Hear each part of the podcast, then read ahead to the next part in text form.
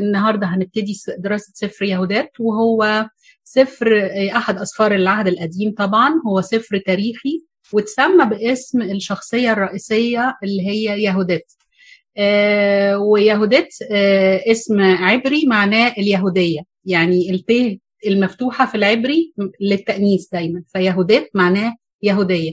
ويمكن نفتكر إن الاسم ده اتذكر يهودات مرات عيسو اللي هي اتقال إن كانت من الأمميين واتقال إن هي كانت سبب مرارة نفس اسحاق ورفقة.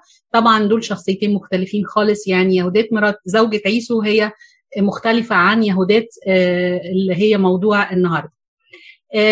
السفر يهودات هو واحد من الأسفار القانونية الثانية اللي هم طوبيا يهودات تتمة سفر أستير المزمور 151 سفر الحكمة سفر يشوع بن سيراخ سفر باروخ تتمة سفر دانيال سفر مكابين الأول ومكابين الثاني وصلاة منسى ساعات بيبقى صلاة منسى منضمة لسفر المكابيين فبيبقوا عشرة أو لو لوحدها بيبقوا 11 سفر. أسفار قانونية معناها أن الكنيسة معترفة بيها كأسفار موحى بيها من الروح القدس. والتانية لأنها جت بعد الأسفار اللي جمعها عزرا الكاتب. إما لأنه ما كانش قادر يجمع كل الأسفار في الوقت بتاعه كان اليهود متشتتين ولسه راجعين من السبي واللي لسه ما رجعوش أو لأن في بعض الأسفار اتكتبت بعد موت عزرا. ويمكن ده السبب اللي خلى اليهود برضو ما يعترفوش بالسفر والشيء الغريب إن هم بيقروه في مناسبة محددة اللي هو عيد التجديد أو الحنوكة أو الهانكة بيقروا السفر ده وبيقروه كقصة لكن مش معترفين بيه أو أغلب اليهود مش معترفين بيه كسفر من أسفار العهد القديم. دي المجامع اللي أقرت قانونية السفر. نقيا وهيبو وقرطاجنة الأول والثاني واللي تحت دول مجامع الكنيسة الكاثوليكية برضو اللي أقرته يعني الكنيسة الأرثوذكسية والكاثوليكية بتعترف بيه كسفر من الأسفار القانونية. والكنيسة البروتستانتية مش بتعترف بيه ولذلك إحنا لو معانا الكتاب المقدس الترجمة البيروتية اللي هي أصدرتها الكنيسة البروتستانتية مش هنلاقي الأسفار دي موجودة فيه. هو موجود في الترجمة السبعينية. مقدمة عن السفر من هو كاتب السفر؟ في أقوال أنه كاتب السفر إما يهودات نفسها وده اللي بيأيده أن في تفاصيل كتيرة حصلت مفيش غير يهودات بس هي اللي عاشتها أو اللي عصرتها واتذكرت بالتفصيل. الرأي الثاني وهو الرأي الأرجح أنه اللي كتبه هو اليقيم أو يوقيم الكاهن كبير الكهنة. آه آه واللي بيأيد كده إنه آه اتذكرت فيه ملامح الحياة الروحانية أو كان في تدقيق على الصلوات والحاجات الدقيقة قوي اللي في الناموس وكل الحاجات دي كان عليها تركيز كبير. فالرأي إن هو يقيم كبير الكهنة هو ده الرأي الأرجح هو اللي كتب السفر. والسفر بيتميز هو طبعا اتكتب باللغة العبرية وترجم لليونانية. اللغة النسخة العبرية فقدت واللي موجود دلوقتي هي الترجمة اليونانية. لكن اللي بيتقال انه هو اتكتب بطريقة أدبية رائعة جدا. يعني كاتب السفر كان عنده قدرات لغوية عالية جدا. الحقبة الزمنية اللي وقعت فيها الأحداث برضو بيقال إن هي أو اتحسب من خلال الحفائر اللي لقوها إن هو حصل في القرن السابع قبل الميلاد. وعشان كده هو حصل بين السبي الأشوري والسبي البابلي. يعني حصل قبل سبي بابل بعد السبي الأشوري. آه الحفائر اللي, اللي اتوجدت لمدينة اسمها احمتا أو احمتا اللي هتتذكر في أول إصحاح وعرفوا إن هي اتبنت في, في القرن السابع قبل الميلاد وبالتالي قدروا يحددوا آه زمن آه وقوع أحداث السفر. اللغة الأصلية زي ما قلنا العبرية القيمة الروحية وصفات يهودات دي هنخليها للآخر خالص هنتناقش فيها. لما نخلص دراسة السفر هنعرف إيه الرسالة الروحية اللي موجودة. هو طبعا سفر تاريخي لكنه فيه رسالة روحية عميقة جدا وجميلة جدا. الشخصيات الرئيسية اللي عايزين نتابعها وإحنا بندرس السفر يهودات وصيفة يهودات نبوخذ نصر أليفانا اليقيم أحيور وعزية. هم سبع شخصيات محتاجين إن إحنا نتابعهم. في منهم شخصيات بترمز لرموز في حياتنا الروحية برضو. هنقدر إن إحنا نستشف إيه الرموز دي. يهودات ووظيفه يهودات مش هتظهر معانا غير في الإصحاح الثامن على الرغم إن هي الشخصية الرئيسية. لكن إحنا النهارده بإذن الله هندرس هنحاول إن إحنا ندرس الست إصحاحات الأولى. موقع الأحداث الرئيسي هو بيت فلوي دي مدينة كانت موجودة موجودة دلوقتي جنوب جنين اللي هي على الخريطة قدامنا.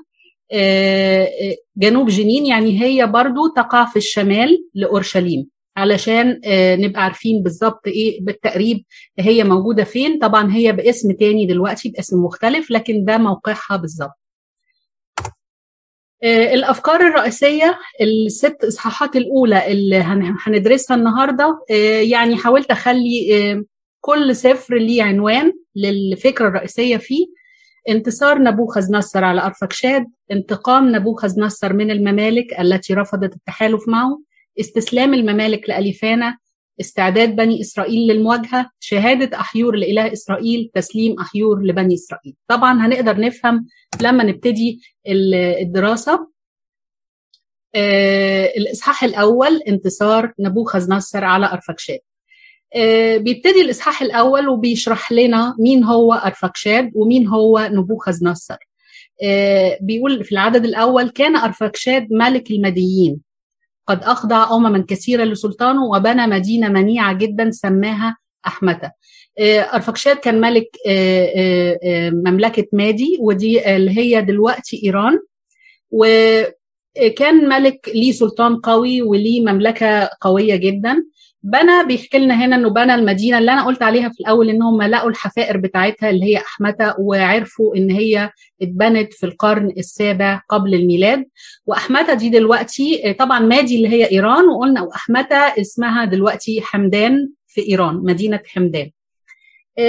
بيوصف لنا في الأربع اعداد الأولى إزاي هو بنى أسوار وارتفاع شاهق وأبراج وحوالين المدينة وإن هو عمل ليها بوابات كبيرة بحيث إن الجيوش تعدي من من خلال البوابات دي ويتعمل زي عرض عسكري وانهم يفتخروا بانتصاراتهم هم راجعين منتصرين. يعني كان فيها نوع من أنواع الزهو والشموخ بالقوة بتاعته وده كان الحال بتاع الملوك في العصر ده. العدد خمسة بيقول وأن نبوخذ نصر ملك أشور الذي كان ملكا على نينوى المدينة العظيمة في السنة الثانية عشرة من ملكه حارب أرفكشاد فظفر به هنا في كتير كانوا بيتلخبطوا إن نبوخذ نصر هو كان إحنا عارفين إنه ملك بابل لكن هنا بيقول إنه ملك أشور وعاصمته نينوى. فالرد عليه أو كل التفاسير جت إن الرد على كده إن نبوخذ نصر دي كلمة زي لقب لملوك بابل وأشور. ما كانش اسم ملك لكن كان لقب زي ما بتقول الفرعون فرعون فلاني زي فراعنه مصر أو قيصر زي قياصه روما. وإنهم خدوا كانوا بياخدوا اللقب ده. نبوخذ نصر المقطع الأول نبو اللي هو واحد من آلهة بابل المشهورة جدا. وباقي الاسم نبوخذ نصر معناها نبو حامي الحدود فكانوا بيحاولوا إن هم يعني ياخدوا زي مباركة الإله بتاع بابل. حتى ملوك أشور برضو كانوا بيحاولوا يتوددوا لآلهة بابل وده كان حالهم علشان نوع من أنواع إنه يتودد لآلهة المملكة الثانية فيعني يتقي شره يعني زي كده. فنبوخذ نصر كانت لقب انه إنه الرأي بيقول إن هو أسرح دون ابن سنحريب الملك. وسنحريب ده اللي هزم على يد اليهود الملك بقيادة الملك حزقيه وملاك اتقال إن ملاك الرب ضرب جيشه اللي كان مكون من 185 ألف. يعني هزم هزيمة شنيعة. واتقتل سنحريب نفسه على يد اتنين من ولاده. وأسرح دون اللي هو نبوخذ نصر موضوعنا ابنه الثالث هو اللي ملك بداله. فهنلاقي إن هو في السنة الثانية عشرة من ملكه حارب ارفكشاد ارفكشاد ده ملك مادي وكان متحالف مع اليهود أثناء حرب سنحريب. فكان نوع من أنواع الأخذ بالطار أو استرداد الكرامة واسترداد العظمة اللي أهدرت على يد اليهود وارفكشاد آه آه بيقول لنا إن المعركة حصلت في الصحراء العظيمة التي يقال لها رعاوي عند الفرات ودجلة ودسون في صحراء أريوك ملك عليم. فعظم إذ ذاك ملك نبوخذ نصر وسمت نفسه فراس الجميع سكان قيلقية ودمشق ولبنان. طبعا بعد ما ظفر و بالانتصار ده وضم مملكة مادي العظيمة لمملكة أشور واستولى على أحمتة اللي هي المدينة العظيمة ابتدى أن هو يحس بالعظمة وال وال والكبرياء الشديد وابتدى يتجه ناحية الغرب لأن مملكة مادي مادي دي بالنسبة له للشرق فابتدى عايز يضم كل ممالك الغرب آه وهنشوف قد إيه تطلعاته كانت آه عايز يملك لغاية فين. فابتدى يراسل الممالك دي إن هم آه يستسلموا ليه أو ينضموا ليه. فضل يراسل كل الممالك لغاية لما وصل لمصر والحبشة. يعني كل اللي في الغرب من آسيا الصغرى دمشق لبنان إسرائيل مصر والحبشة كل البلاد دي والممالك دي كلها بعت ليها رسل عشان ينضموا ليه آه آه عدد 11 بيقول فأبى جميعهم اتفاقا وردوا الرسل خائبين وطردوهم بلا كرامة. كل الممالك مفيش حد رضي إنه طبعا إنه يتفق معاه أو إنه ينضم ليه ويتحالف معاه وطردوا الرسل. فاستشاط حينئذ نبوخذ نصر الملك غضبا على تلك الأرض بأسرها. وحلف بعرشه وملكه لينتقمن من جميع تلك البلاد. طبعا دي كانت إيه؟ ضربة لكبريائه والكرامته إنه الممالك دي رفضت إنه تنضم ليه. بعد كده بيقول في السنة الثالثة عشر من لنبوخذ نصر يعني بعد سنة من انتصاره على ارفكشاد و واستيلائه على مملكة مادي تمت في, في اليوم الثاني والعشرين من الشهر الأول الشهر الأول في التقويم البابلي اللي هو شهر أبريل تمت الكلمة في بيت نبوخذ نصر ملك أشور بالانتقام تمت الكلمة يعني الملك أصدر قراره أنه هينتقم من كل الممالك اللي رفضت أنها تنضم ليه. إحنا الإصحاح الثاني ده اللي هو انتقام نبوخذ نصر من الممالك التي رفضت التحالف معه. فدعا جميع الشيوخ وكل قواده ورجال حربه ووضعهم مشورة سرية قال لهم على الخطة بتاعته هيعمل إيه عشان ينتقم من الممالك دي وهيعمل إيه برضو عشان يفتحها ويضمها لأنه هو هيضمها كده كده. وقال لهم إن أن يخضع كل الأرض لملكه. وإذ ذلك لدى الجميع استدعى نبوخذ نصر الملك أليفانا قائد جيشه هنا نبوخذ نصر كان تطلعاته وطموحه كبير. هو أن يكون ملك كل الأرض ملك على كل الأرض عايز يخضع كل الأرض لملكه. وده بيفكرنا إن شخصية نبوخذ نصر دي بتفكرنا بمين يا ترى في حياتنا الروحية؟ يعني مين هو اللي عايز يملك على كل الأرض واتقال عليه إن هو رئيس هذا العالم أو رئيس سلطان الهواء؟ هو طبعا إبليس. فنبوخذ نصر هو بيرمز في السفر ده لإبليس. وإذا كان نبوخذ نصر هو إبليس فيبقى اليفانا قائد جيشه هو المسيح أو ضد المسيح اللي بيحاول إنه يمهد الطريق قدامه ويمهد للناس علشان ينضموا ليه. وكان أليفانا قائد جيشه مشهور بقسوة القلب. كان معروف جدا أنه قائد قوي وقاسي القلب جدا. وقال له العدد خمسة اخرج على جميع ممالك الغرب وخصوصا الذين استهانوا بأوامري يعني ابتدي الأول بممالك اللي أنا بعت لها رسل وطردوهم. أه ولا تشفق عينك على مملكة ما واخضع لي جميع المدن المحصنة. يعني ما يبقاش فيه شفقة ولا رحمة بأي حد. وكانوا من عادتهم إنهم بيدمروا أي مملكة بيدخلوها تدمير شامل وده اللي هنشوفه دلوقتي وهنشوف ليه كانوا بيدمروه. فدعا أليفانا قواد وعظماء جيش أشور وأحصى عدد رجال الحرب كما أمره الملك. كان عدد ال ال ال الجيش اللي كونه أليفانا 120 ألف راجل راجل مقاتلين واثني عشر ألف فارس أرباب قاسية.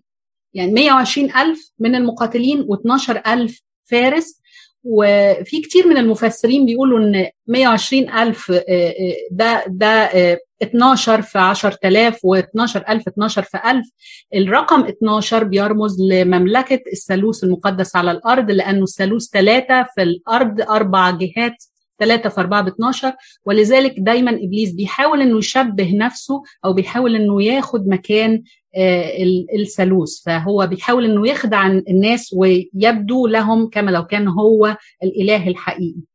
فسير امامه جيوش عددا أمام جيوشه عددا لا يحصى من الجمال بما يكفي الجيش بكثره يعني حصن الجيش و ملاه بقى بالجمال والبقر والغنم انها تشيل الحاجات بتاعتهم وكمان علشان يستخدموها في في الأكل. وأمر أن تجمع الحنطة من كل سوريا عند عبوره وأخذ من بيت الملك الذهب والفضة شيئا كثيرا يعني غرق الجيش بالفلوس غرق القيادات والجنود وكله بالفلوس إن كانت المملكة غنية جدا من الفتوحات بتاعتها والغزوات بتاعتها وكان عايز يثبت للجيش ويحسسهم إن هم فعلا بيحاربوا وهم ضامنين الانتصار هو لا يعنيه خالص إنه يصرف بوفرة لأنه عارف وضامن إنه هياخد أضعاف أضعاف الأموال اللي صرفها من الغنايم والأسلاب من الممالك اللي هو هينتصر عليها وهيضمها لمملكة أشور. ثم عدد 11 ثم ارتحل بجميع جيشه ومراكبه وفرسانه وأرباب قسي وكانوا يغطون وجه الأرض كالجراد، كان الجيش عدده كبير جدا وكانوا بيغطوا وجه الأرض كالجراد والجراد دايما في الكتاب المقدس رمز للكثره في العدد ورمز للخراب اللي هو لا يمكن صده أو لا يمكن منعه. يعني الجراد لما بتيجي أسراب الجراد بتغطي وجه الشمس فبيبقى فيه ضلمة والجراد بيقضي على الأخضر فبيبقى فيه دمار وخراب.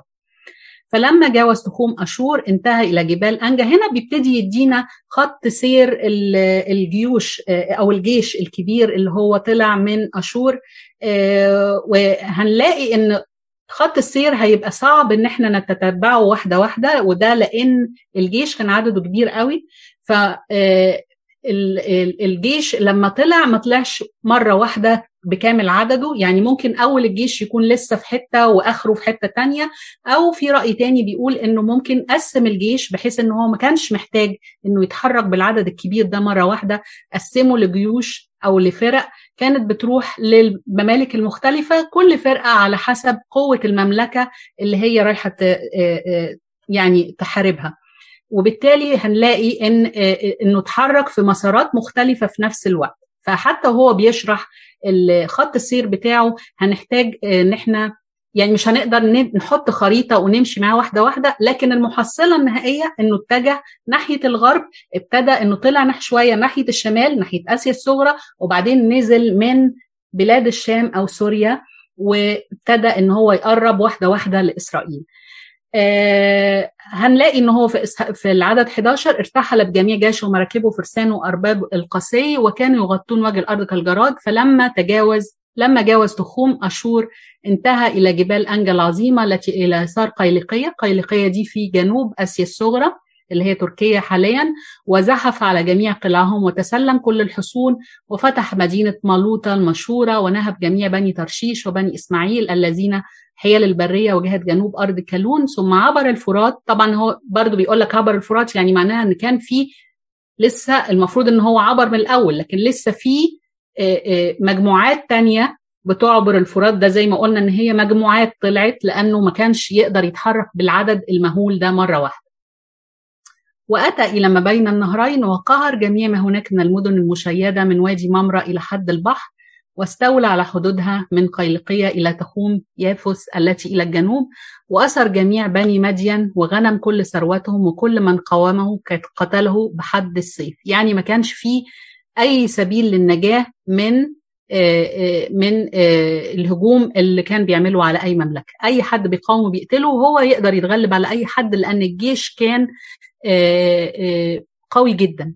وبعد ذلك انحدر إلى صحاري دمشق في أيام الحصاد وزي ما قال له نبوخذ نصر إنه أحرق جميع حقولهم وقطع كل أشجارهم وكرمهم فوقع رعبه على جميع سكان الأرض. أحرق الحقول وقطع الأشجار دي كان دايما يعملوها علشان يدخلوا الناس في مجاعة وبالتالي يستسلموا ليهم بسهولة. وهم كان لا يعنيهم خالص إنهم يستولوا على خيرات الأرض لأن كان عندهم الخير والأموال والثروة بوفرة. ما كانوش محتاجين إن هم يبقوا على المحاصيل أو الحقول فكانوا بيدمروها عشان يجبروا الناس إن هم يستسلموا ليهم. الإصحاح الثالث استسلام الممالك لأليفانا. طبعا كل الممالك اللي حوالين المجاورة عرفوا الأخبار دي وعرفوا الهجوم اللي حصل من الجيوش أليفانا والدمار والخراب اللي حل بكل الممالك اللي ما رضيتش إنها تستسلم. فاضطروا إن هم يستسلموا. وعلشان يتقوا شرهم وعلشان ما يدمرهمش وعشان ما يهلكوهمش فهنلاقي إن هو حينئذ أنفذ إليه جميع ملوك ورؤساء المدن والأقاليم رسلهم من سوريا التي النهرين وسوريا كل المدن اللي حواليه بعتوا له رسل بيقولوا له إيه بقى الرسل؟ وهنشوف قد إيه مدى ال ال الاستسلام والذل وال وال, وال الخضوع المهين اللي اللي حصل لهم من كتر الرعب اللي هم حسوا بيه من كتر رعبهم من إنه فعلا يدخل ويدمرهم. فقالوا له عدد اثنين ليكف غضبك عنا فخير أن نحيا عبيدا لنبوخذ نصر الملك العظيم وندين لك من أن نموت ونخرب ونتحمل خسف العبودية. يعني إحنا ممكن نعيش عبيد لنبوخذ نصر إلا غير إنك نموت ونخرب وهذه مدائننا بأسرها وجميع ما نملكه وجبالنا وهضابنا وحقولنا مواشينا من أسورة البقر وقطعان الغنم. كل حاجة مقتنانا وعيالنا بين يديك. حتى أطفالنا أهم بين إيديك. اعمل اللي أنت عايزه. جميع ما هو لنا تحت أمرك ونحن وبنونا عبيد لك. فكن في قدومك علينا مولى سلام واستخدمنا بما يحسن عندك. يعني قد إيه الاستسلام والذل لدرجة إنهم قدموا أولادهم وقالوا له اعمل فينا استخدمنا بما يحسن عندك. اعمل فينا اللي أنت عايزه بس ما تهلكناش. حينئذ انحدر من الجبال مع الفرسان بقوة عظيمة واستولى على جميع المدن وكل سكان الأرض. طبعا كل هم بعتوا له الرسل دول جه واستولى عليهم وأخذ من جميع المدن أنصارا له من ذوي البأس ومختارين للحرب. كان أهم حاجة بيستولي عليها وكانت دي الحاجة اللي فعلا بتهمهم قوي في من ضمن الغنائم إنه كان بيستولي على قواد الجيوش وعلى الجنود اللي في الجيش. فكان بالطريقة دي بيكبر الجيش بتاعه يعني الجيش اللي ابتدى ب 120 ألف جندي و12 فارس ما فضلش كده بالعكس ده تضاعف وكبر. وفي الحالة دي كمان هو بيستفيد إنه بيعمل بياخدهم زي دروع بشرية بيحطهم هم في المقدمة في المواجهة في أي مواجهة. بحيث إنه لو حد مات مش مهم هو بيحمي أرواح جنوده. فبيبقوا جنود مرتزقة. والجنود المرتزقة طبعا كانوا معروفين إن هم لهمش حقوق الجنود اللي بيحاربوا مع بلادهم أو الجنود اللي هم العاديين. يعني لو مملكة تانية دخلت في حرب ضد المملكة وهزمتها أول ناس بتقتلهم هم الجنود المرتزقة اللي في الجيش المهزوم. ولو اتاخدوا كأسرى ما بيدخلوش ضمن معاهدة تبادل الأسرى بيتقتلوا. آه بيقتلوا الجنود المرتزقة المأسورين برضو. آه العدد تسعة فحل على جميع تلك البلدان خوف عظيم حتى خرج للقائه سكان جميع باقي المدن بقى وباقي الممالك اللي كانت ما, ما أرسلتلوش ما, ما بعتتلوش رسل آآ آآ عملوا إيه؟ استقبلوه بالأكاليل والمصابيح راقصين بالطبول والنيات كما لو كان هو داخل عليهم يعني بالفرحة وإن هو يعني آآ احتلاله ليهم ده هيكون للخير ليهم لكن كان كل ده من كتر رعبهم. بيحاولوا إن هم يظهروا له فرحهم بيه علشان يتجنبوا شره أو يتقوا شره. ولا بصنعهم هذا أمكانهم أن يلينوا قساوة قلبه فإنه دمر مدنهم وقطع غابتهم. لا بصنعهم هذا أمكانهم أن يلينوا قساوة قلبه لأن إبليس دايما ما عندوش المحبة. حتى الناس اللي بتعمل معاهده معاه علشان تتقي شره هو ما بيعرفش الحب ما بيعرفش الرحمة. هو كل همه وكل خطته إنه يهلك أكبر عدد ممكن من البشر وإنه ياخدهم معاه للهلاك. فهو بالظبط هو ده اللي حاصل إن هو لا يعرف الحب ولا الرحمة. مهما هدنوه ومهما عملوا معاه معاهدات هو ما بيقدروش إنهم يلينوا قساوة قلب. فإنه دمر مدنهم وقطع غاباتهم وكانت الغابات دي مشهورة الاماكن للعبادة. كانوا بيستخدموا الأشجار ان هم يحطوا تحتيها تماثيل الآلهة وبيعملوا مع تحتيها طقوس العبادات بتاعتهم. ليه كانوا بيهتموا إن هم يدمروا أماكن العبادة الوثنية في كل الممالك اللي دخلوها؟ لأن العدد 13 لأن نبوخذ نصر الملك كان قد أمره أن يبيد جميع آلهة الأرض حتى يدعى هو وحده إلها بين جميع تلك الأمم التي تدين له بسطوة ألفانة يبقى كان نبوخذ نصر عايز يبقى ملك على كل الأرض وإله على كل الأرض وألفانة هو اللي كان بيمهد له الطريق علشان يحقق طموحاته. وبالتالي هنا بيظهر وبوضوح المدى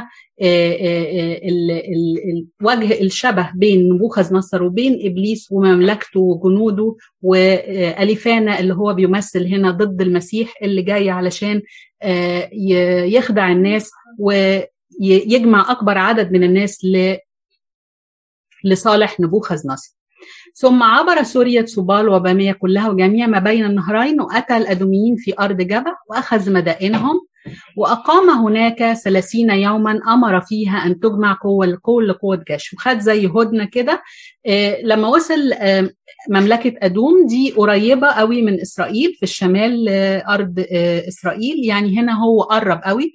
وبالتأكيد كانوا اليهود سمعوا كل الأحداث دي وسمعوا كل الانتصارات اللي عملها اللي هي بدون حرب والممالك اللي استسلمت والممالك اللي ما استسلمتش اتدمرت. فكل ده اتعرف. هنشوف هم عملوا إيه وإيه كانت رد فعل اليهود. الإصحاح الرابع هنا بيكلمنا عن استعداد بني إسرائيل للمواجهة. بيبتدي بيقول سمع بنو إسرائيل المقيمون بأرض يهوذا فخافوا جدا من وجهه. عرفوا طبعا أخبار اللي بيحصل ده. أول إحساس حسوا بيه إن هم خافوا جدا وهنعرف خافوا ليه بالظبط. آه و هنا بنلاقي إن هم خافوا لأن الخوف ده إحساس طبيعي بالنسبة للبني آدم. فهو مش عيب إنك تخاف لكن المهم هتعمل إيه بعد ما خفت؟ أو هتتصرف هتتصرف إزاي بعد ما حسيت بالخوف؟ فالخوف لوحده ما هواش عيب لأن الإنسان بطبيعته ممكن يخاف وخصوصا بالأخبار دي كلها لكن هنشوف هم عملوا إيه بالظبط وليه خافوا. العدد اتنين بيقول وأخذ الارتعاد بفرائسهم مخافة أن يفعل بأورشليم وبهيكل الرب كما فعل بسائر المدن وهياكلها. يبقى هم أكتر حاجة خافوا عليها مش على أرواحهم ولا على مدنهم لكن هم خافوا على هيكل الرب في أورشليم وده بيبين قد إيه هم كان عندهم الخوف على الأماكن المقدسة بتاعتهم والغيرة الروحية اللي جواهم إن هم يدنسوا ويدمروا الهيكل لأن جالهم الأخبار إن هم ما بيدخلوا أي مملكة بيدمروا كل معابد الآلهة وكل الآلهة اللي موجودة في الممالك دي. فأرسلوا إلى جميع السامرة في كل وجه إلى حد أريحة وضبطوا رؤوس الجبال كلها. طبعا السامرة هي عاصمة مملكة الشمال اللي هي في الشمال والأورشليم كانت في الجنوب. ضبطوا رؤوس الجبال يعني حصنوا كانت المنطقة كلها منطقة جبلية منطقة جبال هضاب وجبال وطالعه نازلة فضبطوا رؤوس الجبال حصنوا رؤوس الجبال وصوروا قراهم وجمعوا الحنطة استعدادا للقتال وهنا جمعوا الحنطة علشان يكون عندهم يعني قمح كافي لو حصل لهم حصار أو حصلت أي حاجة ما يحصلش مجاعة ويقدروا إنهم يصمدوا. كتب اليقيم الكاهن. هنا ابتدى يظهر اليقيم اللي إحنا قلنا عليه اللي هو رئيس الكهنة. واليقيم اسم معناه الله يقيم أو من يثبته الله. هو كان رئيس الكهنة في الوقت ده. والملاحظه اللي هنلاحظها إن مش هنسمع خالص عن ملك في إسرائيل أو أي سيرة ملك اللي هنسمعه رئيس الكهنة اليقيم. واثنين اللي هم كانوا عاملين زي مجلس للقيادة. آه وده لأن آه المفسرين فسروا إن الوقت ده كان آه الملك ملك يهوذا هو منسى الملك ابن حزقية اللي هو فسد وزاغ وعبد الأوثان وعمل كل شيء غلط لدرجة إنه دخل الهيكل التماثيل والأصنام وكان ليه في أعمال السحر والدجل وال والتعاويذ وحاول إن هو يضل شعب إسرائيل وإنه ياخدهم كلهم وراه في عبادة الأوثان لدرجة إنه كان بيضطهد اللي بيرفضوا عبادة الأوثان وكان جزاؤه إن هو وكان صديق جدا للبابليين وكان يعني عشان كده كان معجب قوي بآلهتهم. الجزاء اللي ربنا إن هو جزاء ربنا ليه إن هو تم أسره من الأشوريين وإنه اتذل ومنسى ده اللي هو كتب صلاة منسى إنه في نهاية حياته أو قبل نهاية حياته هو تاب توبة يعني من قلبه وربنا قبل منه توبته على الرغم من الشرور العظيمة اللي كان عاملها. ففي الوقت ده هو واضح إنه ما كانش لسه رجع من السبي الأشوري. العدد خمسة وكتب اليقيم الكاهن إلى جميع الساكنين قبالة يزرعيل التي حيال الصحراء الكبيرة إلى جانب دوتان وإلى جميع الذين يمكن أن يجاز في أراضيهم. كتب لهم قال لهم إيه؟ أن يضبطوا مراقي الجبال التي يمكن أن تسلك إلى أورشليم ويحفظوا المضايق التي يمكن أن يجاز منها بين الجبال. يبقى إحنا قلنا إن المنطقة اللي هي في الشمال إيه وفي أورشليم برضو كانت كلها جبال. فمراقي الجبال اللي هي رؤوس الجبال يضبطوها يعني يبقى في عليها تحصين وحراسة. ومراقبة على طول. والمضايق اللي هي بين الجبال كانت المضايق دي ما بتسمحش بمرور أكتر من اتنين من الجنود بس ولذلك كان صعب جدا المرور فيها لأنه أي جيش هيمر هيعدوا اتنين اتنين بالتالي يسهل إن هم يصطادوهم. فدي كانت الخطة الحربية اللي هم عملوها وجهزوا نفسهم بيها. بالتوازي بقى مع إيه؟ هم عارفين كويس قوي إن الجيش اللي جاي لهم جيش آه يعني لا يقارن في قوته وفي عدده بإمكانياتهم هم البسيطة لكنهم برضو عارفين إن هم سر انتصارهم مش في قوتهم وسر انتصاراتهم اللي هي من يعني تاريخهم كله هم عارفينه إن سر انتصارهم هو في إلههم. ففعل بنو إسرائيل كما رسم كاهن الرب اليقيم عملوا كل اللي يقدروا عليه. وبعدين العدد 8 بيقول وصرخ كل الشعب إلى الرب بابتهال عظيم وذللوا نفوسهم بالصوم والصلاه هم ونسائهم. ابتدوا بقى إنهم يتذللوا ويصرخوا ويصوموا ويصلوا في عبادة جماعية. السفر ده بيبين لنا بوضوح الصلاة الجماعية والعبادة الجماعية للشعب مع بعضه. وقد إيه هي بت بتخلي يعني بتحنن قلب ربنا. وبتخليه فعلا إنه يستجيب. آه العدد تسعة بيقول لبس الكهنة المسوح وطرحوا الأطفال أمام هيكل الرب وغطوا مسبح الرب بمسح. حكاية إن هم آه يمكن دي أول مرة تحصل أو أول مرة تتذكر في, في الكتاب المقدس إن هم يغطوا المسبح آه الرب بمسح. المسبح ده طبعا ده نقطة التلاقي بين الإنسان وبين الرب. فغطوه بمسح يعني معناه وصلوا لقمة التذلل والتضرع. طرحوا الأطفال أمام هيكل الرب يعني بيحننوا قلب ربنا على أولادنا أهم. لو أنت عايز تاخدهم خدهم لكن ما تسيبهمش يتاخدوا من جيش العدو. ولبس الكهنة المسوح برضو كان في سفر اللاويين كان في تقنين لأن الكهنة يحزنوا ويلبسوا ويلبسوا المسوح لكن في الحالة دي كانت الحدث كله عظيم وكان في اجتماع على انه كلهم بيصوموا ويصلوا بروح واحدة. والمسوح دي كانت نسيج رمادي ومعمول من وبر الإبل أو جلد الماعز وبيلبسوا المسوح إما للحزن ومراره النفس أو للتذلل والتوبة أو للنسك. يعني الثلاث حالات دي اللي كان بيتلبس فيها المسوح. وصرخوا جملة إلى الرب إله إسرائيل أن لا يجعل أطفالهم غنيمة ونساءهم مقتسما للأعداء ومدنهم خرابا وأقداسهم نجاسة وإياهم عارا بين الأمم. يعني كل ده كانوا بيترجوا ربنا إن هم إن هو يعني ما يخليهمش ما يخليش الجيش اللي جاي عليهم إن هو يتغلب عليهم وإنه هو قادر إن هو يدخل الحرب بدلهم وجال اليقيم الكاهن الرب العظيم في جميع إسرائيل وكلمهم قائلا. كان اليقيم اللي هو زي ما قلنا رئيس الكهنة بيتجول بيحاول إنه يفك يذكرهم قد إيه عمل معاهم الرب في في التاريخ كله وقد إيه كانت بيفكرهم بكل اللي حصل قبل كده علشان يديهم الرجاء ويديهم ويشجعهم ويقول لهم اطمنوا كملوا الصلوات وكملوا الأصوام وأكيد الرب هينظر لنا ومش هيسيبنا فبيقول لهم اعلموا أن الرب يستجيب لصلواتكم إن واظبتم على الصوم والصلاة أمام الرب اذكروا موسى عبد الرب كيف قهر العمالقة الذين كانوا متكلين على بأسهم وقدرتهم وجيشهم.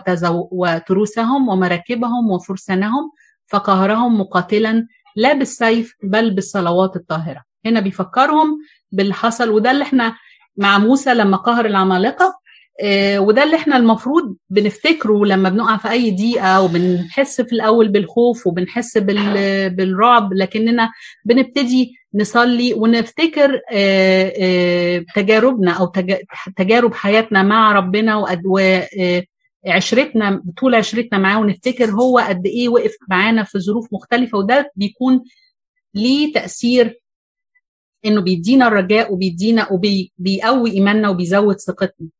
هكذا يكون جميع أعداء إسرائيل إذا واظبتم على العمل الذي بدأتم به. يعني كملوا في الصلاة والصوم وهيبقى هكذا يكون جميع أعداء إسرائيل. هتقدروا أنكم تتغلبوا عليهم زي ما موسى اتغلب على العمالقة.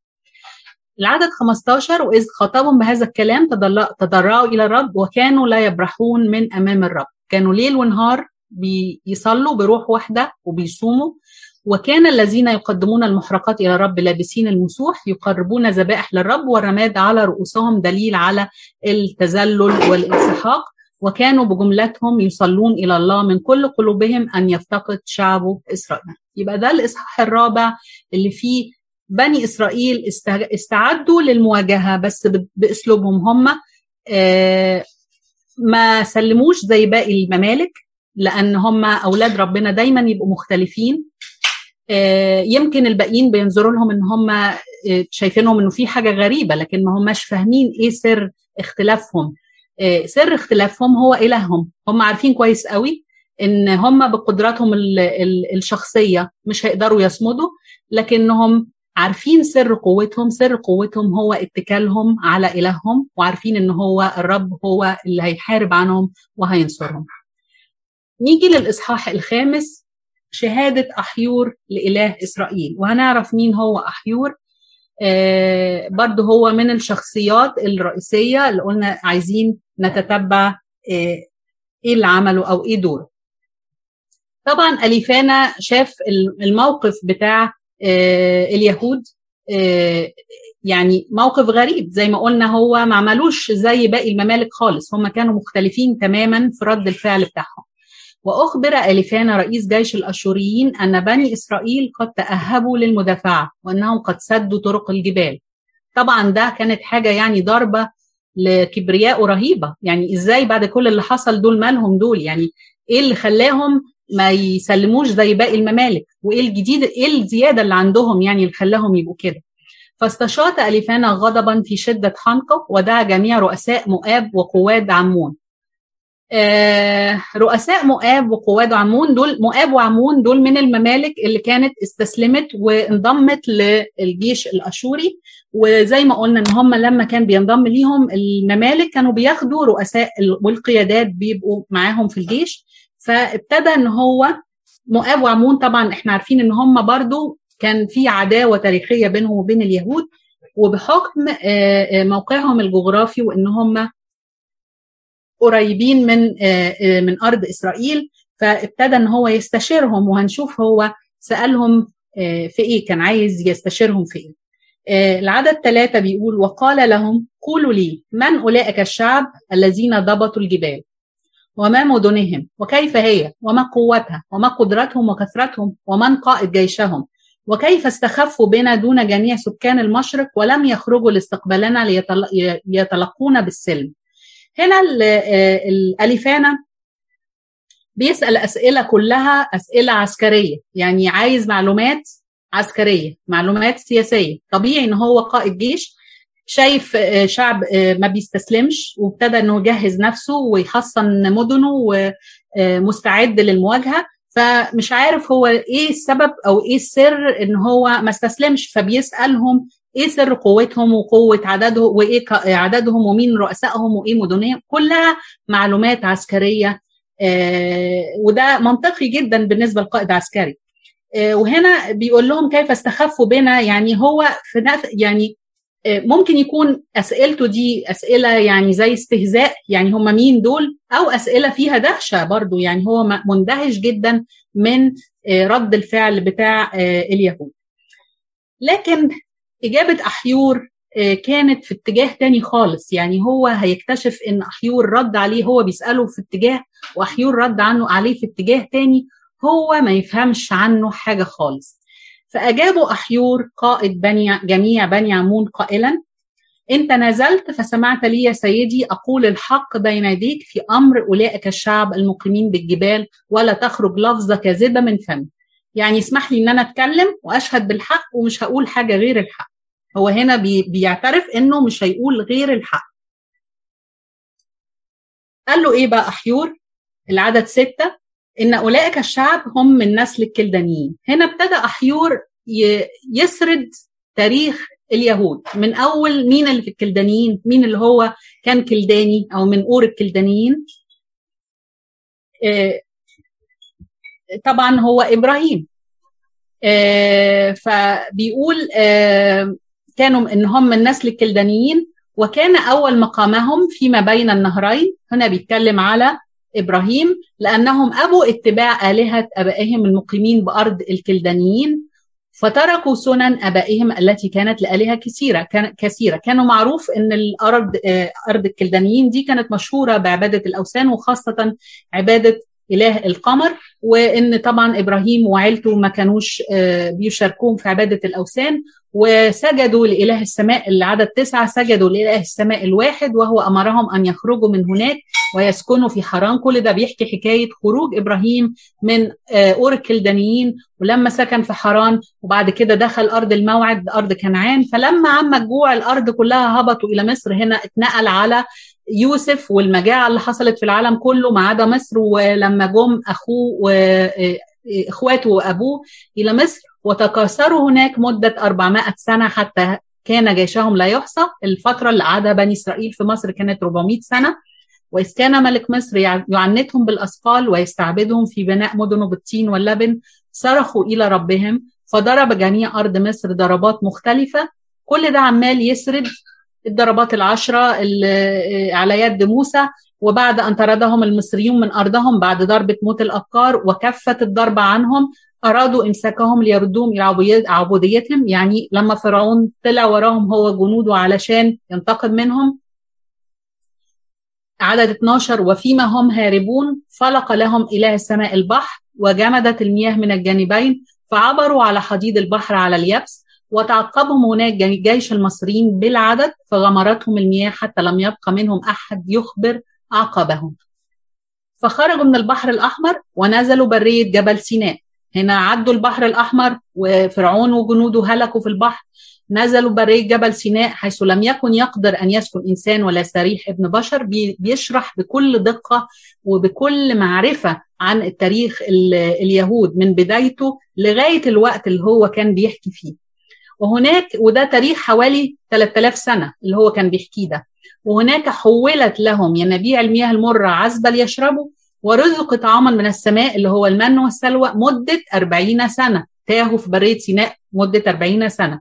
وحيثما دخلوا بلا قوس ولا سهم ولا ترس ولا سيف قاتلهم قاتل إلههم عنهم وظفر هنا بيقول لهم بقى ابتدى يدخل بقى في الكلام اللي هيهيج عليه أليفانا. يعني هو أليفانا سأل لو نفتكر سأل سؤال عن القص عن العدد والمدن والجيوش والرؤساء الجيش وإزاي بيحصنوا نفسهم. وهنا أحيور بيسرد له تاريخ بني إسرائيل وعشان يعرفوا إيه سر قوتهم. هو إن سر قوتهم إن قوتهم دي غير منظورة. وبيقول له حيثما دخلوا بلا قوس ولا سهم ولا ترس معهمش أي حاجة عزل قاتل إلههم عنهم. يعني إلههم هو اللي بيقاتل عنهم. ولم يكن ولم يكن من يستهين بهؤلاء الشعب إلا إذا تركوا عبادة الرب إلههم. يعني محدش يقدر يغلبهم إلا لو تركوا عبادة رب الرب إلههم لأن إلههم غيور ما يرضاش إن هم يعبدوا إله غيره. فكانوا كلما عبدوا غير إلههم أسلموا للغنيمة والسيف والعار. وكلما تابوا عن تركهم عبادة إلههم أتاهم إله السماء السماء قوة للمدافعة. طبعا إيه؟ واضح الكلام. إيه واضح قد إيه أحيور عارف وبدقة برضو إيه, إيه اليهود وإله إسرائيل بالظبط بيعمل إيه مع شعبه. فكسروا أمامهم ملوك الكنعانيين واليبوسين والفرزيين والجحاسين والحويين والأمورين وجميع الجبابرة الذين في حجبون واستحوذوا على أراضيهم ومدائنهم. وكانوا ما داموا لا يخطئون أمام إلههم يصيبهم خير لأن إلههم يبغض الإسم. هنا أحيور بيشهد لإله إسرائيل إنه إله يبغض الإسم. فلما انحادوا قبل هذه السنين عن الطريق التي أمرهم الله أن يسلكوها. لما انحادوا ابتدوا إن هم يزوغوا وراء عبادة الأوثان. انكسروا في الحروب أمام شعوب كثيرة وجلي كثير منهم إلى أرض غير أرضهم. هنا بيكلمنا عن سبي أشور غير إنهم عن عهد قريب قد تابوا إلى رب إلههم واجتمعوا من شتاتهم حيث تبددوا وصعدوا إلى هذه الجبال كلها وعادوا فتملكوا في أورشليم حيث أقدسهم. آه والآن يا سيدي هو دلوقتي هو خلص سرد كل التاريخ اللي إحنا قلنا يعني الحقبة الزمنية اللي هو قالها كما كما لو كان فيلم كده سينمائي بي بي بيوري له فيه بداية الشعب اليهودي لغاية الوقت اللي هو كان بيكلمه فيه ده حوالي 3000 سنة. فبيقول له العدد 24 والآن يا سيدي انظر فإن كان لأولئك الشعب اسم أمام إلههم فلنصعد إليهم. يعني سبيلنا الوحيد إن إحنا نقدر نواجههم إن هم يكونوا إيه؟ عملوا خطية وإلههم غاضب عنهم وبالتالي هو هيرفع إيده عنهم فإحنا نقدر نصفر بيهم. لأن إلههم يسلمهم إليك ويستعبدون تحت نير سلطانك. وإن لم يكن لأولئك الشعب اسم أمام إلههم فلا طاقة لنا بهم. يعني مش هنقدر عليهم. لو هم ما أغضبوش إلههم مش هنقدر عليهم. لأن إلههم يدافع عنهم فنكون عارا على جميع وجه الأرض. هنا وانتهت شهادة أحيور لإله إسرائيل وقد إيه بيورينا إن أحيور شهد شهادة الحق وتغلب على خوفه من أليفانا وقال كل الحقيقة. يعني ما قدرش إن هو يخبي أي حاجة لدرجة إنك تستغرب إن ده إن الكلام ده صادر من إنسان أممي المفروض إن هو وثني من بني عمون اللي كانوا أعداء لليهود. ف يا ترى أحيور بيفكرنا بمين في الكتاب المقدس؟ شخصية أحيور. هي مين التاني اللي شهد لإله إسرائيل وكان من الأمم؟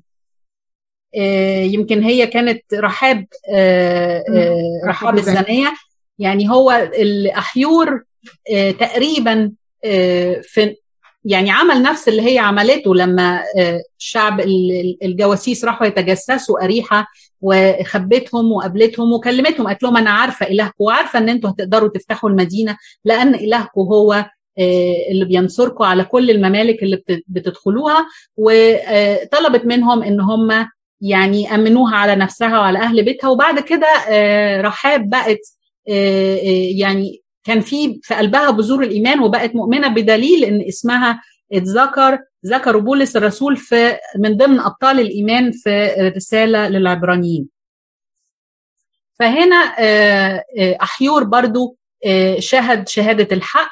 وهنلاقي إنه بعد كده العدد 26 بيقول لما فرغ أحيور من هذا الكلام غضب جميع عظماء أليفانا وهموا بقتل قائلين بعضهم لبعض. طبعا إيه أليفانا ساكت لكن اللي حواليه بقى اللي هم اللي عايزين يعني يعني بينوا الأليفانا إن هم انتفضوا وغضبوا بيقولوا من يقول إن لبني إسرائيل طاقه بمقاومة الملك نبوخذ نصر وجيوشه وهم قوم لا سلاح لهم ولا قوة ولا لهم خبرة في أمر الحرب؟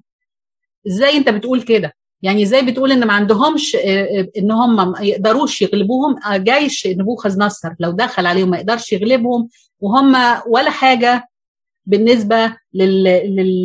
للقوة بتاعتنا والقوة العددية. إزاي أنت بت... بت... بتجرؤ إنك تقول كده؟ فلكي يعلم أحيور إنه إنما يخادعنا يعني هم حاسين إن هو بيكذب عليهم أو إن هو مغرض في ال في ال في الكلام اللي هو بيقوله نصعد الآن إلى الجبال. وإذا أخ... إذا أخذ جبابرتهم إن إحنا نروح لهم دلوقتي ونهاجمهم وإحنا بالتأكيد هن... هن... هنخلص عليهم. فحينئذ نجعله موردا للسيف أيضا معه ونقتله معاهم. حتى تعلم كل أمة أن نبوخذ نصر هو إله الأرض ولا إله غيره عشان الكل يشهد ويعرف أن نبوخذ نصر هو الإله.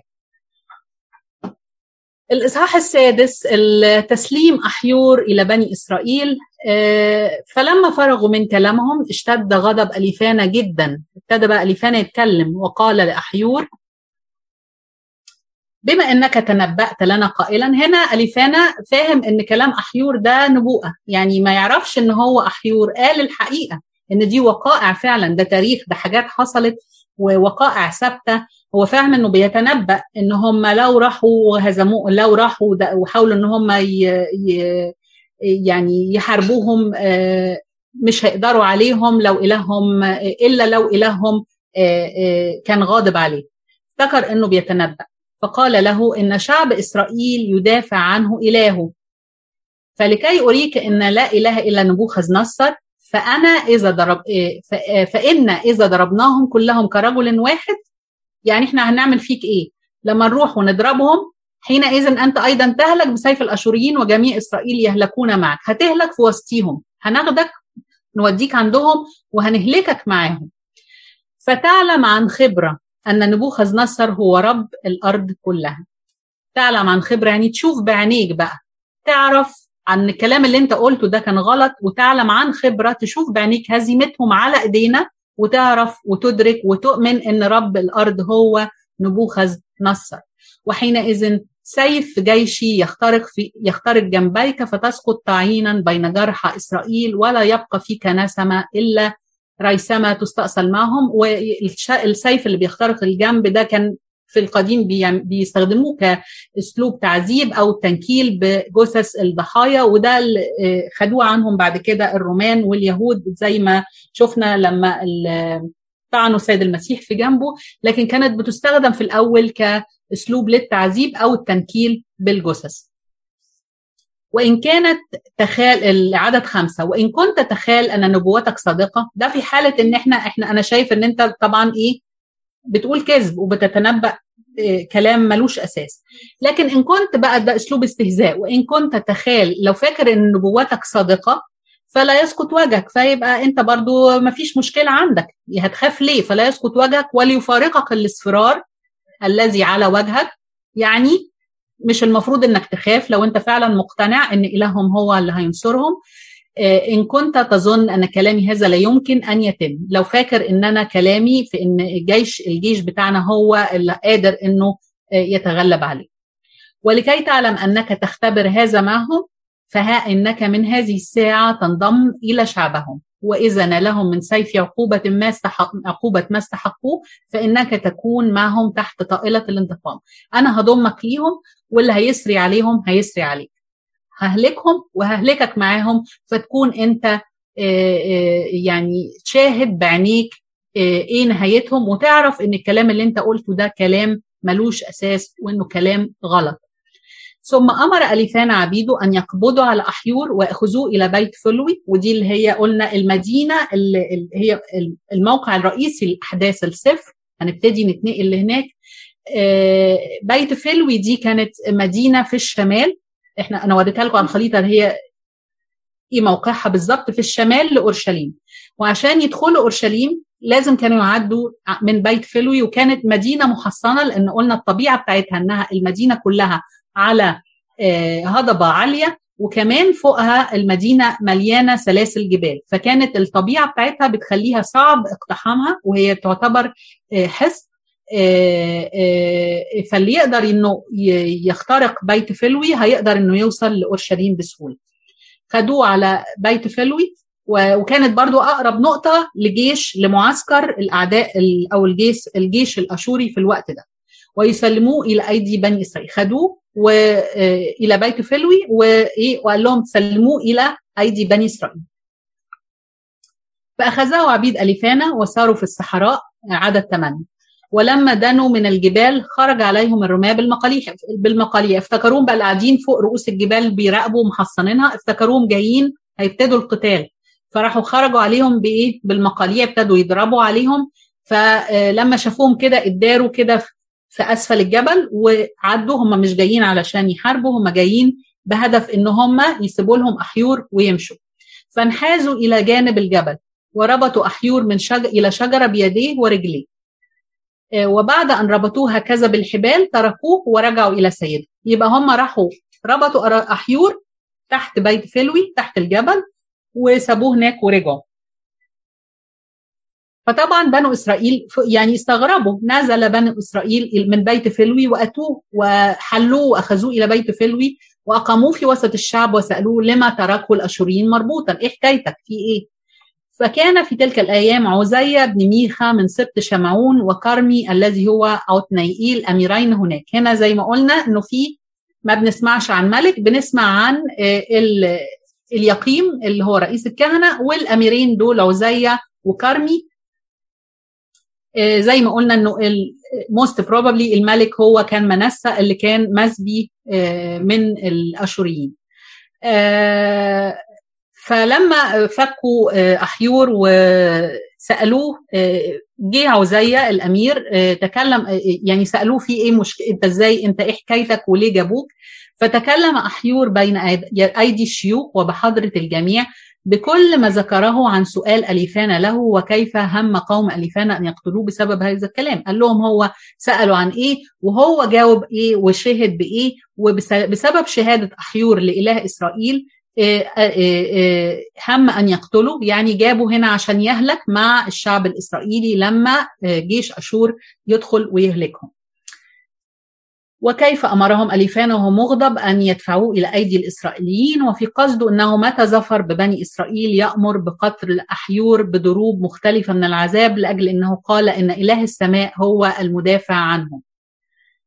فلما قص عليهم أحيور جميع ذلك طبعا إيه اتأثروا جدا. يعني قد إيه ال ال ال الشهادة لما بتيجي من إنسان خارج الإيمان بتبقى ليها وقع يعني مضاعف لأنها بتخلي المؤمنين نفسهم يحسوا إن هم يعني قد إيه ربنا لا يترك نفسه بلا شاهد وإنه حتى لو الإنسان اللي بيتكلم قدامك ده إنسان غير مؤمن المفروض إن هو غير مؤمن أو أممي لكنه شهد بشهادة الحق وثبت على موقفه على الرغم من إنه تحت كان تحت إيديهم وتحت سلطانهم. يعني كان ممكن إنه يرجع في كلامه أو يحاول إنه يبرر اللي قاله لكنه شهد بالحق وصمد. ساعتها كانت يعني الشهادة بتاعت أحيور دي خلت الشعب يحس إن دي زي رسالة من ربنا ليه إنك ما تخافش كملوا في الصلاة بتاعتكم وإن المعونة جاية وإن أنا معاكم إن أنتوا أنتوا هتنتصروا بقوتي. وآدي أحيور العموني الأممي بيشهد ليا فما بالكم أنتوا لازم يكون عندكم الثقة والرجاء والإيمان. ف هنرجع تاني لعدد 14 فلما قص عليهم أحيور جميع ذلك خر الشعب كلهم على وجوههم ساجدين للرب ورفعوا صلواتهم إلى الرب بالبكاء والعويل عامة بقلب واحد قائلين أيها الرب إله السماء والأرض انظر إلى عتوهم والتفت إلى تذللنا ولا تخف ولا تغفل وجوه قدسيك واعلن أنك لم تترك المتوكلين عليك وأنك تذل المتوكلين على أنفسهم والمفتخرين بقوتهم. هنا بيحاولوا إن هم كمان لا تغفل وجوه قدسيك يعني ده نوع برضو من تشفع بالقديسين ميبي إبراهيم إسحاق يعقوب كل القديسين اللي موجودين عندهم في التاريخ. واعلن أنك لم تترك المتوكلين عليك وأنك تذل المتوكلين على أنفسهم والمفتخرين بقوتهم. هنا بيبينوا إيه هو قانون النصرة والهزيمة عند إله إسرائيل. القانون إن هو بينصف أو بينصر المتوكلين عليه. وإيه سبب الهزيمة؟ إن أول المفتخرين بقوتهم. أول ما الإنسان يحس إن هو هو بقدرته وبقوته هينتصر بيشمخ وبيملاه الكبرياء هو ده بيكون سبب سقوطه وهزيمته. وبعد هذا البكاء وانقضاء صلاة الشعب ذلك اليوم كله عزوا أحيور. يعني طمنوه وطيبوا خاطره. قائلين إله أبائنا الذي أنذرت بقوته اللي أنت اللي أنت أنذرتهم بقوته وشهدت لقوته يمن عليك بهذه المنية أن تنظر أنت هلكهم. يعني أنت هتشوف هلكهم بعينيك وهتعرف أن شهادتك كانت شهادة الحق فعلا. وإذا أتى الرب إلهنا عبيده هذا الخلاص لما يمنحنا إلهنا هذا الانتصار وهذا الخلاص فليكن هو إلها لك فيما بيننا إن أحببت أن تكون معنا بأهلك كلهم. يعني أنت مرحب بيك إنك تعيش معانا. وانت باهلك وإن يكون هو إله ليك لأنهم حسوا فعلا إن أحيور كان عنده في قلبه في بذور للإيمان. وفي من المفسرين بيقولوا إن أحيور كان يهودي غير مختتن وكان لذلك بيعيش في وسط بني عمون لكنه في كل الحالات هو واضح من كلامه من شهادته إنه كان عنده بذور الإيمان وإنه على استعداد انه هو يؤمن بإله إسرائيل. ولما انتهت المشورة أخذه عزية إلى بيته وصنع له عشاء عظيما يعني فكوا بقى الصوم بتاعهم وعمل له وليمة ودعا الشيوخ كلهم فأكلوا معه بعد انقضاء الصوم. وهنا بنشوف إن هم يعني ابتدوا إن هم يبتهجوا ويحسوا إنه في رجاء وفي أمل وإن فعلا إلههم مش سايبهم إنه بيبعت لهم رسالة من خلال أحيور الأممي العموني انهم إن هو هيكون معاهم. ثم دعوا كل الشعب وباتوا في موضع الاجتماع يصلون ويستغيثون بإله إسرائيل ذلك الليل كله. كملوا بعد كده صلواتهم و